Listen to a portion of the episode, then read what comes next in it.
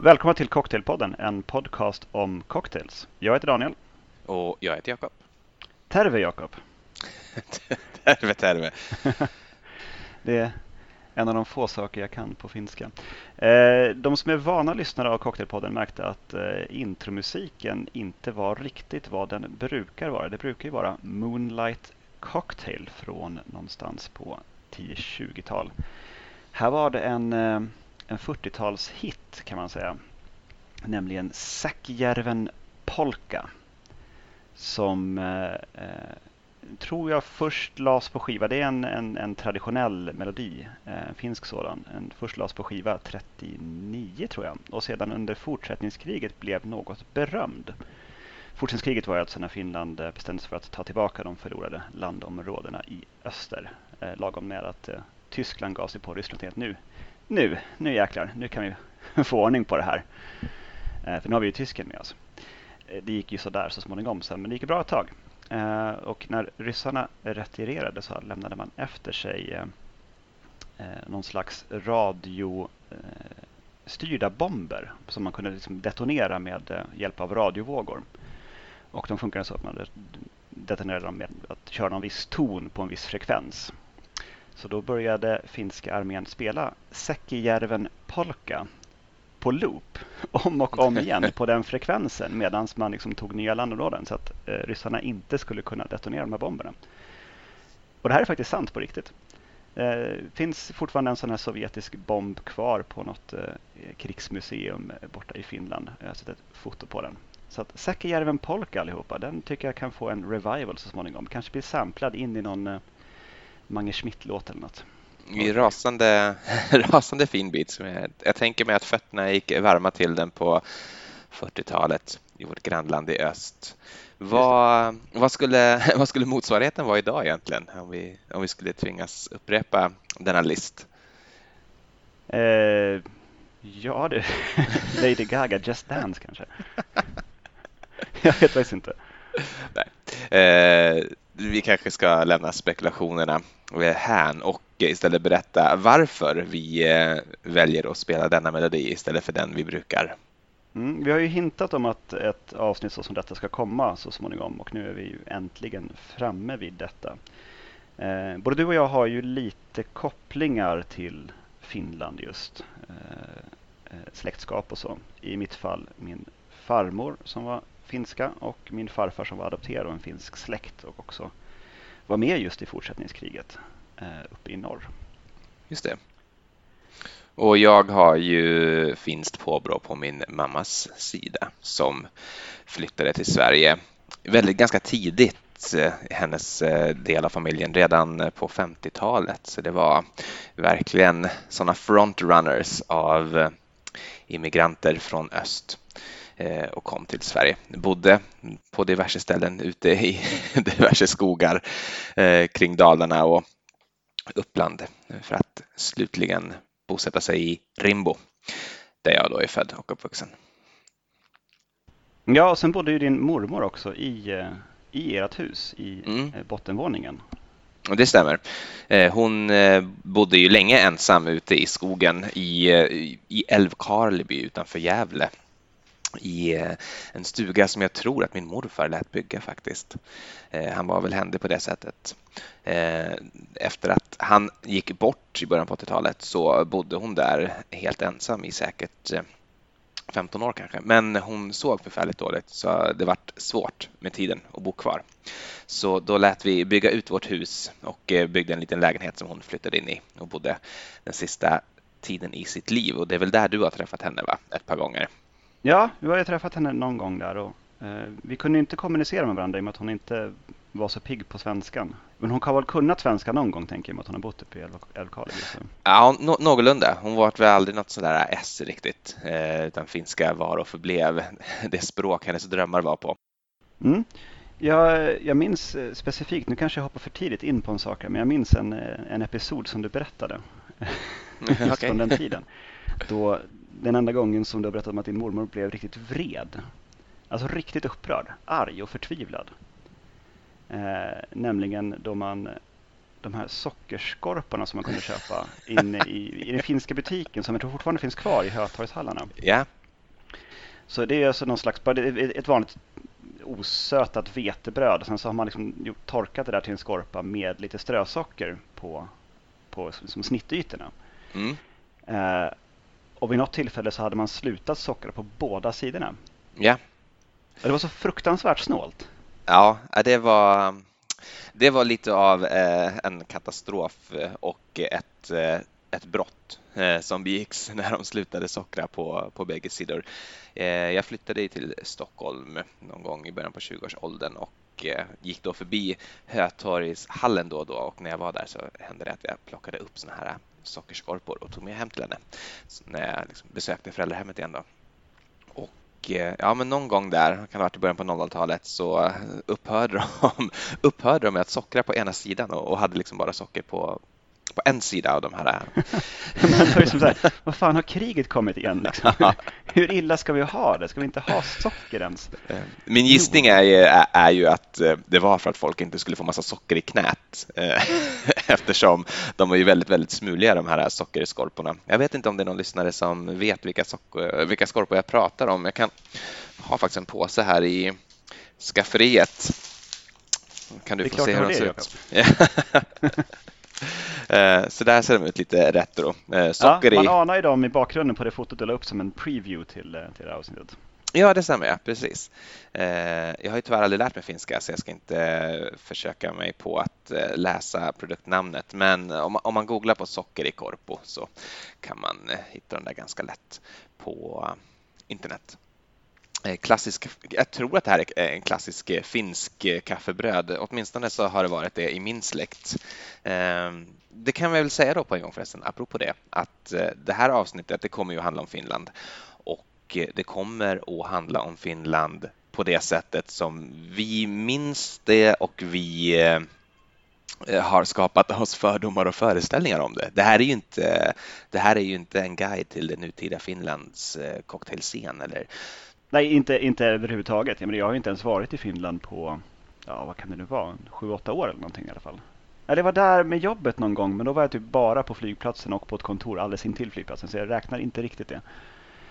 Men som jag verkligen har varit liksom och, och varit runt lite grann i Finland, då är det ja, sju, åtta år, kanske nästan tio. Så jag, jag kan inte riktigt så, men det, det är mitt barndoms någonting om Finland. Någonting om svårmod eller något, jag vet inte. Vi får se vart det landar. Eh, jag har i alla fall eh, tänkt att jag lägger upp min del av avsnittet eh, på följande vis. Jag har, jag har, eh, jag har gjort en meny. Jag har komponerat en meny baserat på upplevelser och smaker som jag minns dem och försökt tolka det i cocktails. Och det kommer ju att handla, det kommer handla mycket om min mormor kan jag säga, och saker som hon gjorde. Hon var kanske den mest påtagligt finska delen av ditt liv när du växte upp. Ja, men det kan det nog varit. Och också för att hon ju bodde i vårt hus då, som sagt, under en lång tid. Eh, hela liksom, sista tio åren kanske eller så av hennes liv. Eh, så, så bodde vi under samma tak mer eller mindre. Och därför så har hon ju haft ett ganska, alltså hon, hon, hon, har präglat mitt intryck av vad det innebär att vara finsk och vad Finland innebär. Eh, sen ska det ju sägas att hon kom ju hon kom ju hit på 50-talet och det är klart att hon var på besök i Finland och höll ju daglig kontakt med sina syskon och så som bodde kvar.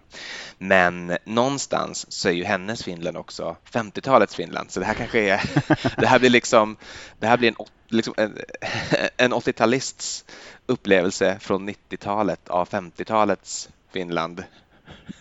liksom kondenserat i cocktails från 00, eller vad 10-talet. Så det blir, ja, det blir en resa i tid och rum helt enkelt. Ja, och mitt, min version av det blir nog mera sjövägen över på något vis. Alltså Finlandsfärjan och Ålandsfärjan och sånt. Mm. Som liksom var min kontakt med Finland som barn. Min pappa jobbade ute vid, vid färjeläget i, i Kapellskär. Just det. Så vi åkte ju en del med, med Viking Lines båtar.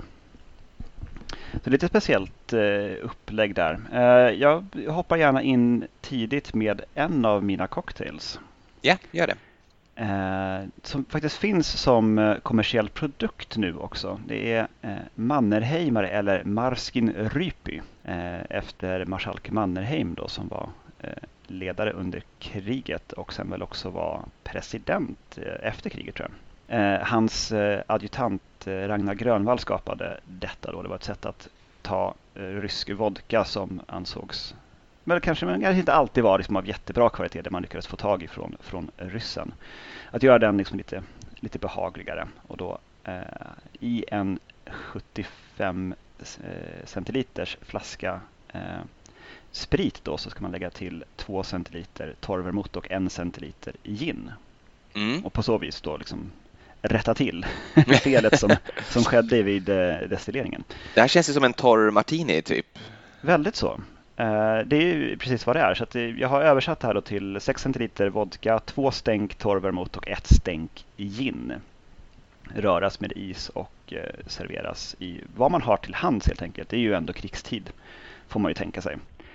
Eh, så att om man har en, eh, en kyld träkåsa eller någonting som man har holkat över en bit is eller ja, om man råkar ha ett cocktailglas kan man väl använda det också. Så det är det jag har gjort här. Jag har, har ingen träkåsa och inget jag kan holka ur heller. Um, nej, det är ganska vidrigt. Det är som ett glas med, ett glas med vodka helt enkelt. Mm. Och, nej, alltså ja, men visst. Eh, det är ju vad det är. Det är varken mer eller mindre. Eh, det finns en del recept nu på hur man ska göra marskinryp och då har de eh, på förslag att man ska använda en norsk, en löjten i alla fall, akvavit. Jag tror den tillverkas i Norge. Men akvavit känns ju inte som att man skulle kunna erövra från ryssen och den har ju redan en kryddning i sig. Mm. Så det känns lite som att det blir konstigt då. Så jag tycker att det ska vara vodka eh, av ryskt snitt. Den här kallar jag då för en Marskintini. Marskintini. Just det, efter Marskin Rypi. Men som sagt, ingen höjdare om man inte är väldigt förtjust i, i vodka martinis. Då är det ju en, en kul variant. Att det är liksom en liten skvätt gin som ger någon liten örtig ton kanske. Jag kan väl, jag kan haka i direkt där eh, om du inte har någonting emot det. För eh, du nämnde ju Finlandsbåten och den var ju förstås närvarande i eh, min uppväxt också. Vi åkte oftast till Åland, men eh, någon gång ibland även till Helsingfors. Och Momo då orkade ju inte följa med, men hon önskade sig ofta två varor från båten som inte var så lätta att få tag på eh, på annat vis. Det ena var såna här gröna marmeladkulor som smakar typ lite eukalypt eukalyptus. En av de sämsta godisar man närmast tänka sig kan. Ah, den andra varan då, det var eh, lacka, lackalikör, eh, vilket ju är hjortronlikör. Eh, lacka är nog det finska namnet för hjortron, tror jag. Så lackalikör eh, ville hon ha också. Och då fanns de i såna här små liksom, platt platta flaskor, ungefär som Camparis små flaskor ser ut. Och det var av något märke som jag tyvärr inte har fått tag på heller. För på Systembolaget finns det ju en lacka, eh, den här Laponia. Mm, den har jag också köpt in inför, mm. inför dagens. Eh, men den hette faktiskt, jag minns att den var, det var en annan design på den, eh, den som fanns på båtarna. Och den är också betydligt sötare upptäckte nu. Det är den som jag har eh, vuxit upp med. När jag varit 18 plus och så, då, så kunde jag få bli medbjuden när vi satt eh, nere hos henne och drack kaffe och, och om det var liksom en fest, festligt tillfälle så kunde hon ta fram små, små likörglas och hälla upp lite lacka till mig och min mamma och sig själv. Men det, det var en väldigt söt variant. Den här Laponia är lite torrare. Jag kommer att komma till det. Eh, till min stora glädje för övrigt, här ser du att jag har ett glas. Ja, ett, ett Ittala-glas till och med. Det är nog inte det det är. Jag har trott det hela mitt liv, för precis såna här glas hade nämligen hon. Så att jag förknippar dem väldigt mycket med, eh, med Finland och med min mormor. Och eh, på Myrorna bara häromdagen så råkade jag av en slump se att de sålde ut såna här för 10 spänn styck. Ja, men då har de bara inte haft koll på den Myrorna-butiken, vad, vad det är de har. För där är nog eh, Kekkerit-serien tror jag. Ja, det kanske det är. Eh, de är väldigt fina, härliga i alla fall. Hur som helst då, jag har ju gjort en cocktail baserat på på lacka. Och jag har kämpat lite grann med den här. Jag har ju testat lite olika varianter. Eh, en del av de cocktails som jag har på min meny, de liksom varit bra från början och en del har jag fått skruva lite grann på. Det här är nog den som jag har skruvat mest med. Och jag har en helt, eh, faktiskt en, en premiärvariant eh, av den idag som är, har bourbon som bassprit. Ja, det är lite av en, en sour kan man säga. Det är 6 centiliter Eh, bourbon och 3 centiliter lackalikör och en och en halv centiliter citron som har skakats och dubbelsilats till eh, ett kopglas. Och eh, jag har tidigare gjort den här eh, på gin och på konjak. Konjak funkar inte alls tycker jag. På gin vart det gott, men eh, då vart det väldigt eh, torrt och väldigt syrligt. Så i gin behöver man också ha lite extra sockerlag, så 0,75 centiliter av sockerlag har jag haft i ginvarianten. Bourbon är ju lite, lite sötare generellt än London Dry Gin. Jag skulle kunna tänka mig att man skulle kunna skippa sockret om man har en Old Tom också. Eh, hur som helst, det här är då eh, med bourbon och eh, ja, det är gott. Den är, det är en subtil hjortronsmak. Det liksom kommer inte igenom jättemycket, men det gifter sig ändå rätt bra. Det här är nog nästan den som jag tycker är godast eh, av de här varianterna jag har testat. Så jag rekommenderar att ni gör den med bourbon och i så fall kan ni skippa socker. Gör den med gin så kan ni ha lite socker i botten också. Helst ska man förstås garnera med ett hjortron, men några hjortron har jag inte fått tag på heller. Men jag har ett litet sånt här, eh, ett litet likörglas med, med lacka i alla fall, eh, som en liten då hommage till eh, likören som vi drack där nere i källaren hos Momo. Då kan man varva. Ja, mm. det är riktigt, riktigt behaglig. Jag tycker att den var svår just för att som likör räknat var den faktiskt ganska torr som du sa. Eh, så det är svårt, alltså man kan inte använda den liksom i lika mängd som en annan likör för då blir det ju lite off. Eh, jag gjorde faktiskt också lite grann på eh, Laponias Lacka. Jag gjorde någon variant utav Grand Sazerac. Ah, vad spännande. Där man då först tar glaset man ska servera i och fyller upp det med is och sen så slår man i Grand Sazerac då i en eh, halv shot med absint. Men i det här fallet så tog jag eh, en halv shot med Rosita. ja, okay. vilket, ja. vilket är en, en, flaska som jag har sett på bolaget. Som är en så här märklig rosa, det ser ut som en gammaldags läskflaska nästan i, i etiketten. Men det är någon form av Campari-alternativ Eh, Eh, tillverkat i Finland. Och väldigt oklart vem det är som köper det här och dricker det. Men den är ganska, den är väldigt, väldigt bitter. För det är ju en, eh, en, en sån. Och sen så är det liksom apelsinig och kanske lite röda bär eller någonting i doften. Så den har jag då sköljt glaset med istället för absinten. Och sen så har jag byggt eh, själva cocktailen på lika delar bourbon och eh, Laponia. Mm, mm. Och då enligt eh, Grand Sazerac så ska man faktiskt skaka de två delarna, så det gjorde jag även här. Då. Men då fick jag ett lite grumligt resultat. Jag tror det skulle vara snyggare om man eh, rörde istället. I alla fall, och sen så slår man ut isen och eh, eh, rositan i det här fallet. Och sen så slår man i sin skakade drink. Jag tror jag hade med lite orange bitters också i det jag skakade. Och sen så serverar man den utan is. Och det var rätt gott i praktiken så är det väl som en Rusty Nail kanske? ja, kanske På hjortron, jag vet inte. uh, men det var absolut uh, en stark trea av fem kanske jag kan säga. Mm. På den. Sen så har vi även försökt oss på att göra en White Finish. Då är det en White Russian fast med någon finsk twist gissar jag. Ja, då är det ju med Laponia istället för kaffelikör. Ah, ja. Men då i och med att den då inte är speciellt söt så var vi tvungna att ta upp eh, mängden Laponia ganska mycket för att annars kom vodkan igenom så vart det liksom grädde och Koskenkorva. Så det var ingen, ingen fantastisk höjdare. Så att, um, där, där fick vi, vi öka upp den så tog vi upp på eh, strax över två delar Laponia till en del eh, vodka och en del grädde. Då, så. Uh, bygger den i glaset med vodka och Laponia och sen så låter man grädden liksom flyta ovanpå jag är inte helt oäven. En trevlig dessertcocktail. Eh, med en sötare likör hade det nog varit mer angenäm tror jag. Det kan man ju i och för sig också bara ta i lite, lite sockersirap och få upp det på det viset. Eh, sen gjorde jag en till på Rosita faktiskt. Jag spann loss lite grann här på Rositan. Eh, I och med att det då är en Campari-liknande eh, dryck så gjorde jag en, eh, en Boulevardier variant. Så en del Rosita, en del söt vermouth och då var det Carpano Antica. Och en del finsk whisky. Mm. Och sen rörd med is och eh, silad till ett isfyllt glas. Den kallar jag för Hog Lane efter svinalängorna. Ja, ja, ja. ja. Mm. Bra. Mycket bra. Så det om Rosita tror jag för nu. Eh, över till dig Jakob.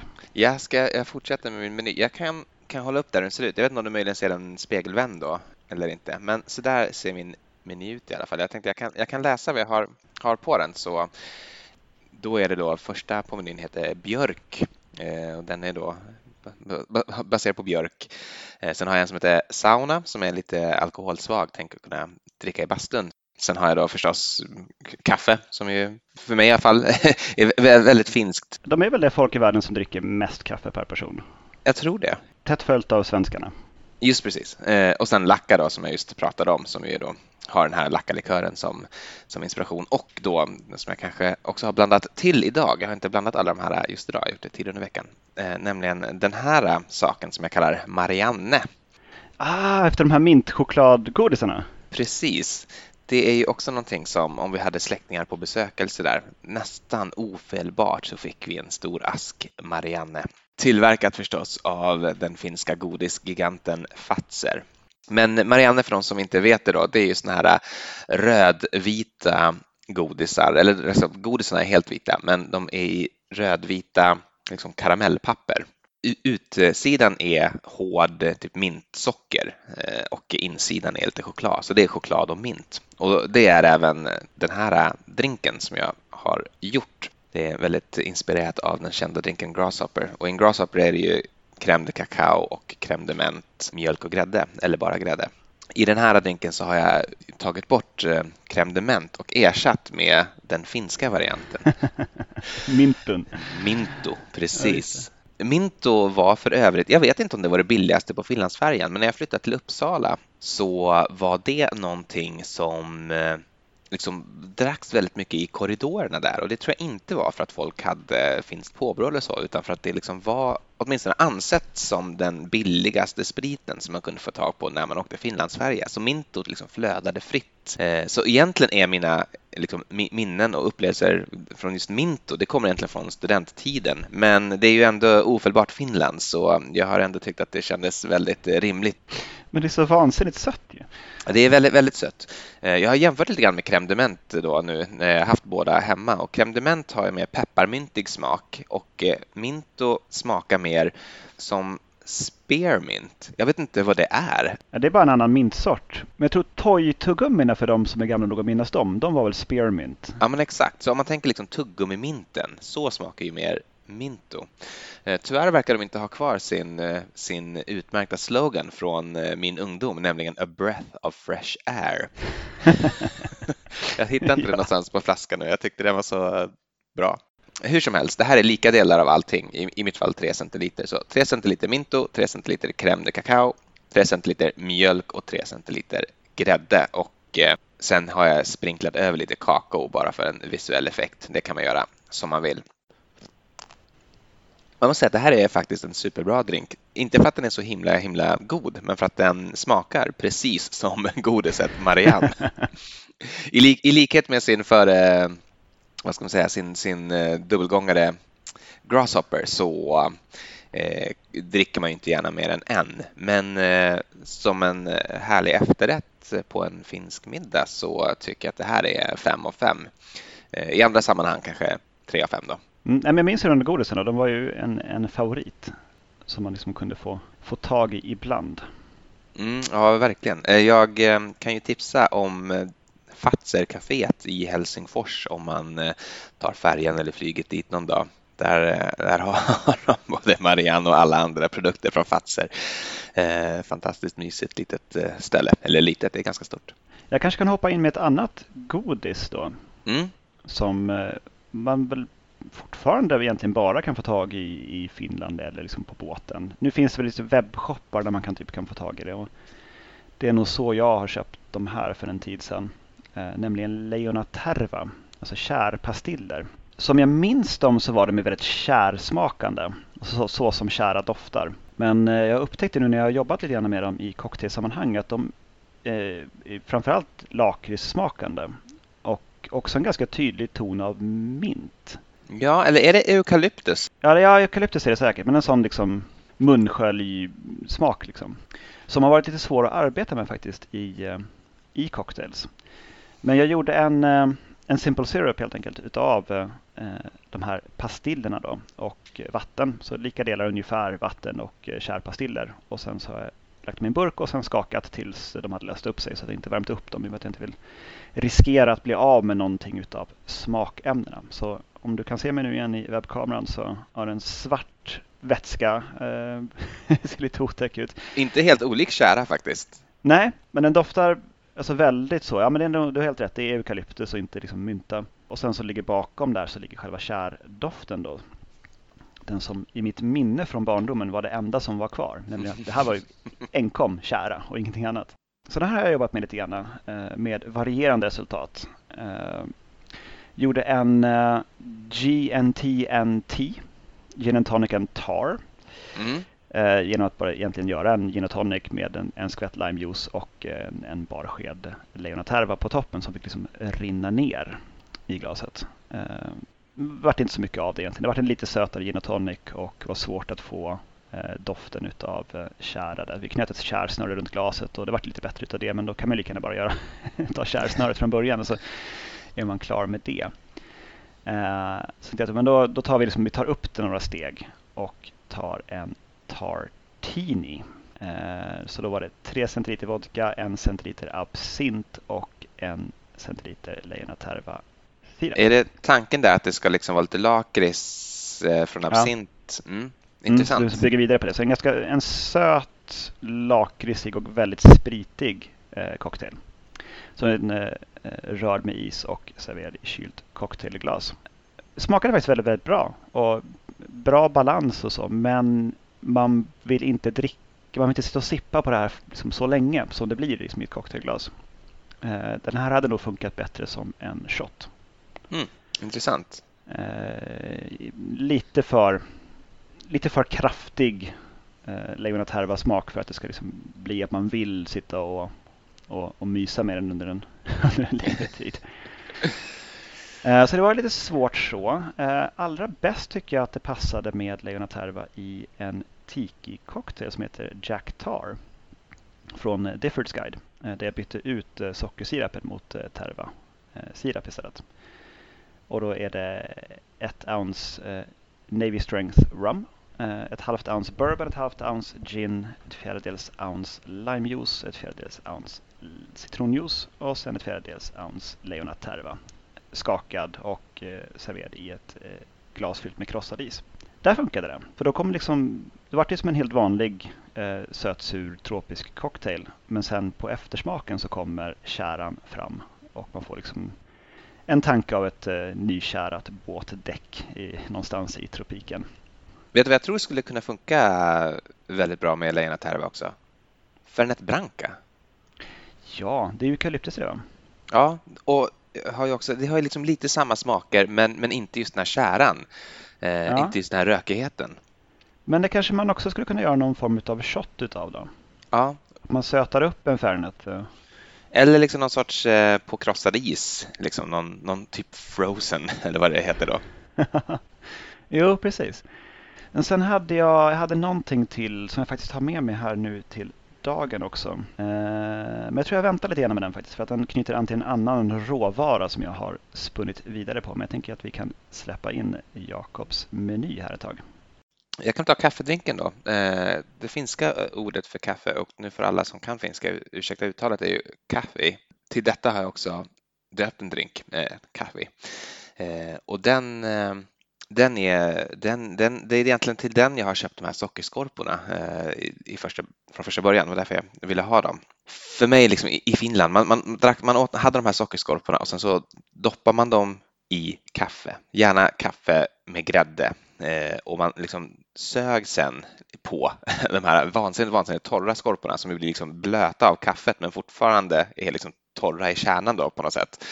För de, det är så vansinnigt, de har väldigt bra uppsugningsförmåga.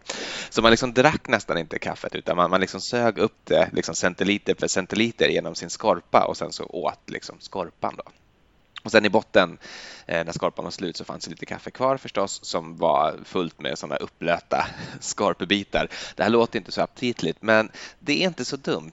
Eh, det är inte så dumt, framförallt om man har vuxit upp med det. Jag tror att det hänger nästan på det tror jag. Att ja, det är kanske det. man ska nog vuxit upp med det för att man ska finna det njutbart. Jag har, tycker jag, varit ganska så hårt hållen med allt som är farligt och onyttigt och och så. Men om någon anledning så hade min mor i alla fall fått för mig att liksom, det finns ingenting skadligt med kaffe så det fick jag dricka från väldigt låg ålder och gjorde också. Så jag har liksom druckit kaffe sedan innan skolan med, med god aptit och då gärna med liksom grädde i och eh, tillsammans med såna här sockerskorpor. Och det är det lite grann jag har försökt eh, återskapa, den känslan i det här. Det här är väl egentligen en sorts variant av Irish coffee kan man säga, men eh, lite, lite modifierad. Så jag har gjort så här att jag tagit eh, sockerlag, så vanlig, vanligt enkelt sockerlag och blandat med vodka i botten av en kaffekopp. Och jag har använt en kaffekopp i glas för då visuella effektens skull. Men har man ingen kaffekopp i glas så kan vi ta vilken kaffekopp som helst förstås. Men blanda vodka och, kaffe och, vodka och socker i botten. Sen häll på varmt kaffe bara. Eh, och det får gärna vara kokkaffe, men det behöver det förstås inte vara om man inte har det hemma. Det går bra med bryggkaffe också, men det ska vara varmt och det ska inte vara liksom något, något fancy stuff, inte något från någon sån här maskin med kapsel eller så, utan eh, Eh, vanligt, vanligt gott starkt kaffe. Eh, och sen så försiktigt du kan ovispad grädde. Och det är väsentligt att det är ovispad grädde. Man, man, man, kan inte vispa den som, som i en Irish. Det, det, gör man liksom inte i Finland, åtminstone inte i mitt Finland, utan grädde, den, den, den, det är flytande. Det är som en tjockare mjölk. Det är det grädde är. Det är inte liksom ett, ett fluffigt skum som man kan forma efter gottfinnande, utan eh, det, det ska vara ovispad grädde på det här. Och då bildas det ju en hinna på toppen, men det liksom sipprar också ner och, eh, eh, och, och, färgar då det här svarta kaffet lite eh, liksom brunt. Eh, men eh, så får det vara. Sen har vi då naturligtvis som garnish en bit av de här sockerskorporna och tanken är att man ska doppa den och dricka drinken på det sättet. Man, man doppar skorpan och så äter man av skorpan och sen när skorpan är slut så dricker man den här lilla kaffeskorpgröten som finns kvar i botten. Okej, okay. men då, då, tar vi på något vis till heder den andra Jakobs uh, Irish Coffee-försök, kaffeepisoden. just det, just det. Som uh, den, den som ännu inte har lyssnat på den episoden gärna får lyssna på. Fantastisk berättelse. Stämmer. Uh, det har jag inte tänkt på, konstigt nog. men men det, det är det ju. Det är ju en liten upprättelse för, för, för den koffein. Jag kan, jag kan fortsätta. Jag kan köra klart min meny så är jag färdig med den sen. Absolut, kör på. Eh, ett, ett annat sånt liksom, doft framför allt tror jag som jag förknippar med Finland är ju doften av eh, våta varma björklöv. Du vet säkert vad jag menar. Man har ju när man bastar så kunde man ju knyta sådana liksom lövruskor av björklöv som man sedan torkade och eh, doppa i vatten när det var dags att basta och sen så kunde man liksom slå sig själv och man kunde också slå lite grann på aggregatet för att få en väldigt frisk, härlig björkdoft i bastun och känna sig ren och mycket liksom skön i skinnet. Mm, det är få dofter i, i världen som jag finner så behagliga som just eh, de här lite så kantstötta björklöven i, i en varm och fuktig miljö. Så man slår ju på väggarna också lite grann för att få, mm, just det. det. Vi hade också bastu i huset där, där jag växte upp, en väldigt, väldigt liten bastu. Vi klämde in hela familjen på liksom vad som kanske var två kvadratmeter. Liksom. Ja, ja, om, om, man inte har upplevt det så kan man inte förstå hur otroligt friskt och gott eh, och härligt det här doftar. Nej, för det är, det är, det är mer än bara att man kan ju ta ett björklöv och liksom mosa det mellan fingrarna mm. om man passerar en björk. Men det är inte riktigt, man kan ju ana ungefär vad, vad det är men det blir inte riktigt på samma sätt. Det blir inte så här kraftigt och aromatiskt. Och liksom. För det är ju också värmen och ångan och allting. Det är ju liksom en sorts textur i luften nästan som hör till det där. Men det är i alla fall det som jag har försökt att återskapa i en cocktail som jag kallar för björk. Och eh, björksmaken kommer huvudsakligen från en björksockerlag som jag har gjort och den får man göra själv då för det tror jag inte finns att köpa kommersiellt. Men den går till så här att gå ut bara någonstans där du bor, leta upp en björk och, och plocka eh, två eller två till tre liksom, kvistar med, eh, med, med, löv på. Det här måste då göras under lövsäsongen. Eh, annars så kan man tyvärr inte göra den här drinken om man inte har förberett sig. Och eh, jag tror att man med fördel kan göra, här, eh, göra den här sockerlagen redan på våren när bladen är späda och egentligen eh, som bäst. Men eh, jag gjorde det nu och det varit alldeles utmärkt i alla fall. Så, så man, man, kan absolut fortfarande gå ut och göra den här om man, om man vill. Men eh, plocka löven, sen liksom, ja, löva av den här och, och skölja av och så är det liksom, tvätta dem ordentligt. Sen eh, mortla löven i en mortel så att de blir liksom krossade och ja, vad, är, vad det nu är, liksom de här små trådigheterna eh, krossas och, och löses upp så att det nästan blir som en, ja, men som en liten björklövsgröt. Eh, lägg det i botten på kastrull och sen har jag velat liksom låta det här koka så därför så har jag använt mindre socker än vad jag skulle göra om jag gjorde en vanlig sockerlag för om jag skulle använda två delar socker och en del vatten till det här så skulle jag inte kunna låta det koka ordentligt. Då skulle det bara koka fast. Så det har faktiskt lite, lite mer vatten till och med. Säg ungefär 1,1 del vatten till en del socker och sen då de här björklöven. Eh, koka upp, rör om och låt liksom koka ett tag. Och jag kan säga att den här eh, ångan som kommer från det här koket, det är exakt det som jag är ute efter. Det är verkligen den här liksom, doften kondenserad. Och sen så får man ju då silla det här ett par gånger. Jag lät silla det genom en, en tesil. Mm. Ja, jag brukar ju först ta det genom en sån eh, silduk eh, när jag har gjort någonting som är lite så eh, trassligt och sen så får det stå väldigt, väldigt länge i ett kaffefilter för med sockret i så går det ganska trögt igenom. Ja, men precis. Men på lite sikt så går det eh, att få ner det genom ett kaffefilter ändå. Så får man bort det allra sista. Men sen så tycker jag inte att det gör så jättemycket om det är lite, lite kvar utav. Jag tycker inte heller det. Men, men det kan man ju då göra om man vill ta det ytterligare ett steg. Men eh, jag körde bara genom Tesil ett par gånger och det vart absolut bra nog tycker jag. Det här sockerlaget smakar verkligen björkigt sen, så det, det funkar. Det blev riktigt bra. Eh, hur som helst, eh, den här eh, drinken björk då, den är väl egentligen en, en gin sour kan man säga, men då med, med en björk-twist. Så eh, jag använder 6 centiliter gin och då vill jag rekommendera att man tar en ganska kryddig som ger en sån liten nästan skogig smak. Jag tycker Härnö eh, är liksom det bästa exemplet jag har hittat som är så väldigt, väldigt kraftigt enbärig och, och liksom skogig helt enkelt. Jag, jag, tycker det passar väldigt bra med den här björksmaken sen också. Men det kan man såklart göra som man vill, men det är mitt tips. Eh, så 6 centiliter gin, 3 centiliter citron eh, och sen 3 centiliter av den här sockerlagen. Och någon lyssnare kanske hajar till nu och tycker att det här låter som väldigt mycket sockerlag, men det är just för att jag har gjort den bara på halva sockermängden. Eh, sen tycker jag att man ska ha lite, lite äggvita när man skakar det här också för att få ett, ett härligt vackert skum eh, som man sen kan droppa några droppar av angostura bitter på. Så det gjorde jag också. Det här serveras i ett rocksglas med is. Den här drinken i alla fall, den, det är nästan tror jag min favorit av alla eh, på den här menyn. Jag tycker alla har varit, alla blev, alla blev bra. Jag är nöjd med allihopa, men det här är nog den som jag tycker allra, allra mest om.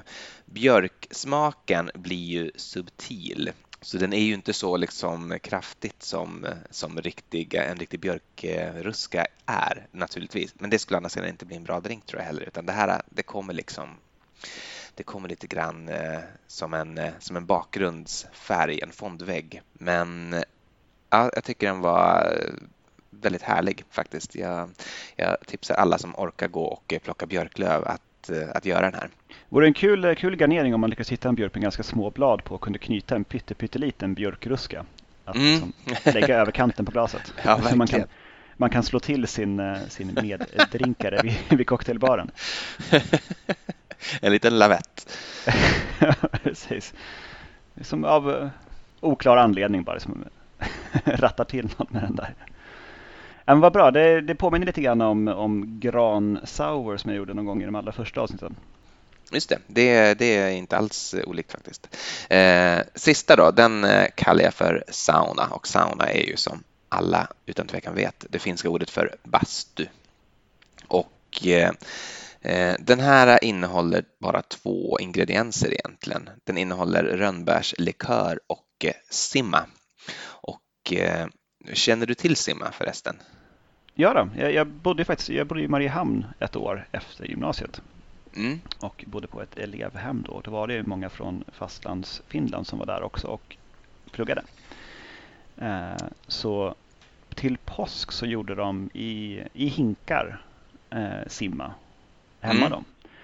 Och det är någon slags sådär liksom lite, eh, vad ska man säga, den är, den är inte helt klar. Den blir som lite så, som väldigt utspädd mjölk i färgen, liksom så lite så grumlig. Mm, fast orange. Nej, den var inte så orange. För de hade, det jag det recept man använde där då var, det var russin för att få igång jäsningen tror jag. Och sen eh, eh citronskivor. Och kanske nejlikor, jag är inte helt hundra. Okej, okay. ja, då är det lite annat recept än det jag är van med.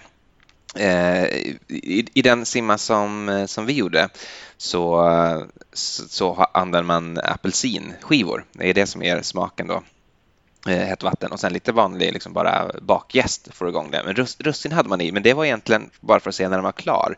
För russinen de går ju som i gröna hissen upp och ner eh, när det bildas kolsyra. Men till slut så blir de liksom så svällda så att de aldrig sjunker ner igen utan alla russin ligger på ytan och då vet man att då har den jäst färdigt. Eh, och det här är ju en, en dryck som barn dricker och den räknas väl som alkoholfri. Den är ju svagt, svagt alkoholhaltig, men under en procent. Jag har faktiskt inte vetat att det här har funnits kommersiellt heller. Jag har bara trott att det här var en, en, eh, någonting som man gjorde själv. Men eh, jag var på en liten finsk butik på Brännkyrkagatan här på Södermalm, inte så jättelångt från där jag bor och eh, såg då till min glädje att de hade det på flaska som de sålde från något kommersiellt bryggeri. Så då köpte jag naturligtvis det och komponerade den här alkoholsvaga drinken perfekt för att dricka i bastun. Och ja, det är som sagt, fyll ett, ett ganska stort glas med is liksom verkligen, verkligen ända upp till bredden. Häll på rönnbärslikör. Jag ska komma, återkomma till det alldeles strax och eh, häll på simma liksom upp till toppen och sen garnera med en hel apelsinklyfta. Hur håller den här simman upp mot eh, den hemmagjorda då, smakmässigt? Den är mindre, den är inte lika god, eller framför allt så är den, den är liksom lite mindre gästig i smaken och det gillar inte jag. Jag, jag tycker det ska vara det ska smaka mäsk och brödjäst liksom? Ja, alltså mäsk är det ju inte, men, men lite, lite, lite liksom Ja, men det, det, det ger ett visst djup till den, att den har en sån liten, liten gästig ton som jag tycker att de har. Jag antar att de har väl bättre filtreringsmöjligheter på ett kommersiellt bryggeri.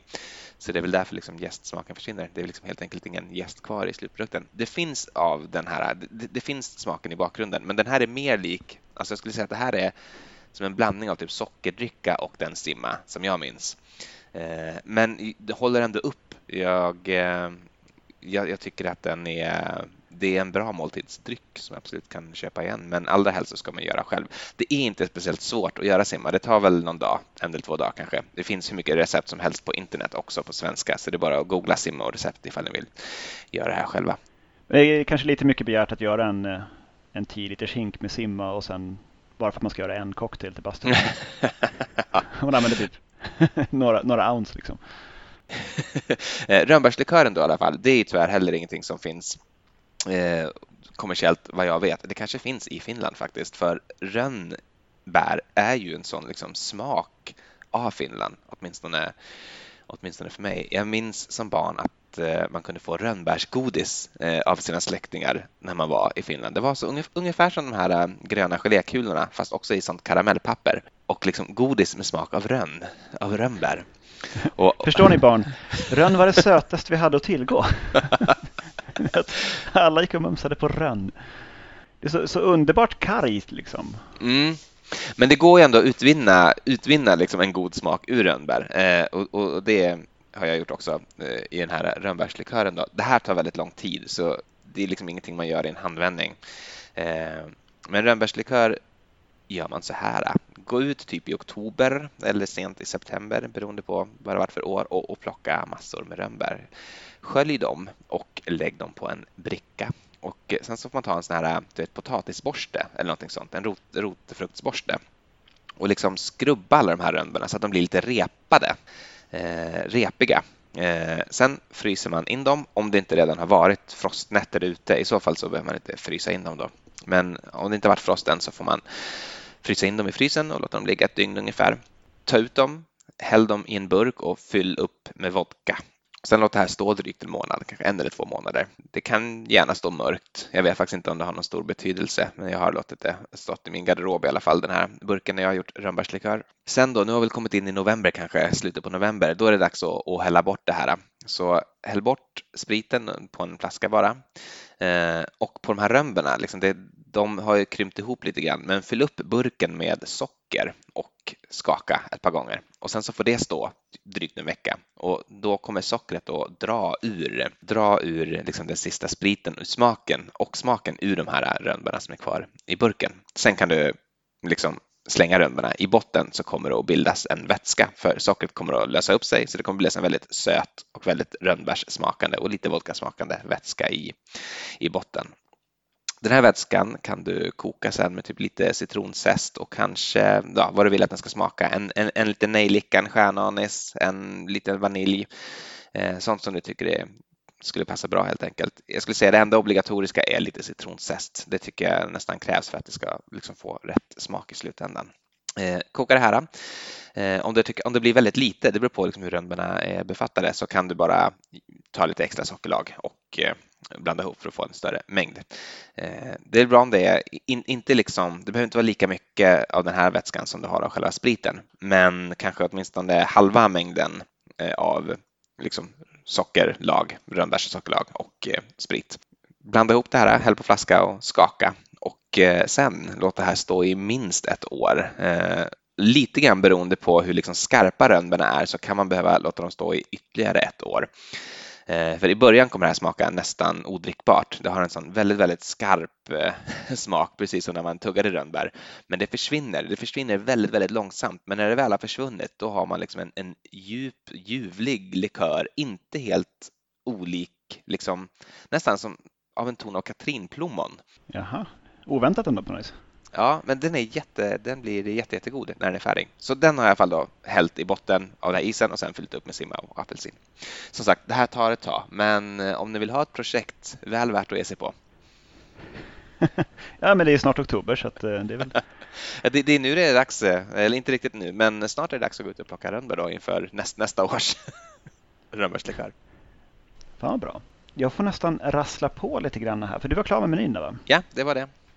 Mycket, mycket bra. bra. Jag gillar knepet också med att göra en meny. Eh, jag tänkte att eh, svårmod och råg eh, hör liksom Finland till. Och jag har på senare år liksom sådär vågat mig på att baka bröd på råg. Och det är kanske det som jag är mest stolt över i hela min, min livsgärning. Att jag lyckas få till ett ett finskt rågbröd som verkligen är precis som ett finskt rågbröd ska vara att mm. baka. Liksom. Jag har ju smakat dem och kan intyga att det är extremt autentiskt och extremt gott. Mm. Och, och, ganska lätt att göra också. Väldigt, väldigt kul att få till det. Men då har jag liksom gjort lite infusioner på rågbröd. Så jag har lagt eh, rågbröd i eh, vodka, i rye och eh, sen även gjort i finsk whisky. Och sen har jag gjort en rågbrödssirap också, en eh, simple syrup med rågbrödssmak. Och sen har jag försökt göra lite, lite cocktails kring det här då. Eh, det som en väldigt kul effekt var för att om du kollar på den så, den här, det här är Ryan då, den är ju genomskinlig, klar liksom. Mm. Eh, men när jag gjorde en rörd cocktail på den, då upphör den att vara klar. Då blir den grumlig, ungefär som, som oson när man slår vatten i den. Oj då. Och den är inte skakad, så det är liksom inte att det är luftbubblor utan det, den är den blev oklar. Så att någonting har lösts upp i spriten från rågbrödet som sen fälls ut eh, när spriten späds ut lite grann. För då blir det väl för lite alkohol för att det ska kunna hålla kvar kopplingen till vad det nu än är den har fällt ut. Det var intressant. Mm. Och sen eh, har jag garnerat med, eh, alltså det är från början till slut så är det rågbrödssirap, eh, det är eh, råginfuserad rye och eh, Peugeots bitters tror jag jag hade i. Någon slags bitter i alla fall. Och sen så garnerat med rågbröd och en liten bit saltgurka. Och eh, den var väldigt, väldigt god. Jag tycker vi fick tillräckligt mycket rågsmak för att man ska kunna säga att det här är någon form av råg, old fashioned eller något sånt. Eh, rye, rye, eller jag vet, jag vet inte vad man skulle kalla den där. Um, jag, har, jag, har, jag har ett namnförslag. Okay. Eh, så här går tanken då. Eh, rågeryggen är ju roligt, ja, eller hur? Och vad är det finska ordet för rågryggen? Sisu? Ah, då kallar vi den för sisu cocktail. Mycket bra. Sen har jag en som jag eh, kallar på svenska för svårmod och då är det eh, rasig finsk whisky eh, som är rågbrödsinfuserad och sen är det en barsked med lejonaterva och lite bitters. Och även den då, även whiskyn blir ju eh, ogenomskinlig när den är, när den är rörd. Nej, ingen höjdare. En svag tvåa. Men det, eukalyptusen hör inte hemma riktigt där. Så den, den kan jag nog inte rekommendera. Jag tycker överhuvudtaget terva-smaken i någonting annat än en shot blir nog faktiskt riktigt svårt. Eh, det är inte vad jag hade hoppats på riktigt. Eh, jag hade höga förväntningar på, på det. Sen den råginfuserade vodkan har jag inte gjort någonting med. Men jag tänker att den kan jag nog faktiskt bara spara och sen servera riktigt välkyld som en snaps någon gång eh, inte behöver göra en cocktail på den. Det kan vara rätt kul. Den är ju som, som också säger helt klar, men jag misstänker att göra en cocktail på den kommer bli en grumlig cocktail. Eh, sen har jag en sak till, nämligen, eh, och det finns på en del systembolag nu faktiskt. Eh, gin, alltså Hartwalls Original Long Drink, alltså Gin Lonkeri. Lonkeri. Av Just det. Eh, finländare. Gin och Grappo. Ja, exakt. Det är gin och grappa. Det är gin och grapefruktläsk eh, på burk. Eh, 5,5 procents alkoholstyrka. Eh, och den här har jag faktiskt hittat lite roliga sätt att göra med. Så man har använt den som en grapefruktläsk och då är det kanske det första man tänker på en, en Paloma. Så jag har gjort en, en finsk Paloma helt enkelt. Eh, jag kollade upp vad du var hette på finska men det var svårt, svårt att uttala. så att jag, jag, jag lät bli det. Det lät bara konstigt. Så det är en finsk Paloma helt enkelt. Och då är det två eh, ounce tequila, ett halvt ounce lime juice, ett halvt ounce agavesirap och sen byggd med is i glas och toppad med gin long drink eller gin lonkeri. Väldigt, väldigt gott. Eh, friskt och, eh, och liksom, ja, tjusigt. Sen i med en liten lime för garnering. Det här är ju liksom Finlands färja då och även Mariehamn för mig. Just med gin lonkeri. Mm. Eh, som man naturligtvis aldrig gjorde någonting annat med än att öppna burken och dricka den. då liksom. det, sen stod ju inte heller eh, marskalk Mannerheims eh, adjutant och rörde någon cocktail åt marskalken heller. Den hälldes väl bara upp i någonting och så drack man. Liksom. Det var ju trots allt krig. Eh, sen har jag också gjort en lonkeri cocktail då är det, alltså, det är en champagne cocktail fast på gin lonkeri. Men den behövde lite mera syra så att jag fick lägga i lite limejuice också. Så det är eh, några goodly dashes av angostura bitters i ett eh, champagneglas och sen eh, en skvätt limejuice och sen toppa upp med gin long drink. Och den mm. var väldigt, väldigt god.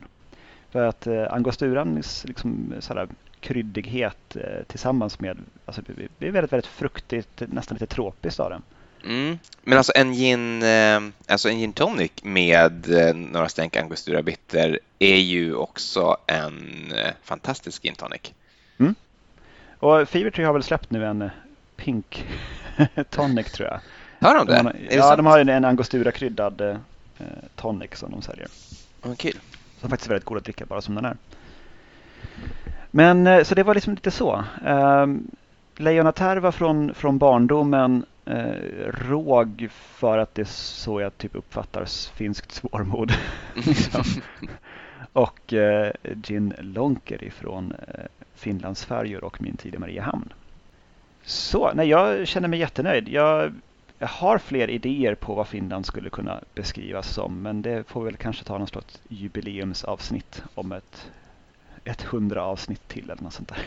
Och vi återkomma till. Spar det eh, och eh, sitt på den skatten helt enkelt så får vi se när det är dags att um, ge det till världen. Men eh, jag känner mig också fantastiskt nöjd. Tycker det här blev riktigt bra. Ja, och så som våra lyssnare har längtat.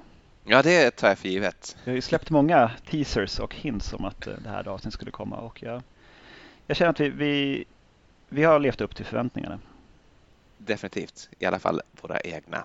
Mm. Och håller man med om det så kan man ju gärna lämna en eh, review där man lyssnar på sina podcasts. Just det, och på så sätt hjälpa oss och hjälpa andra att hitta Cocktailpodden. Men eh, med det, tack för att ni har lyssnat.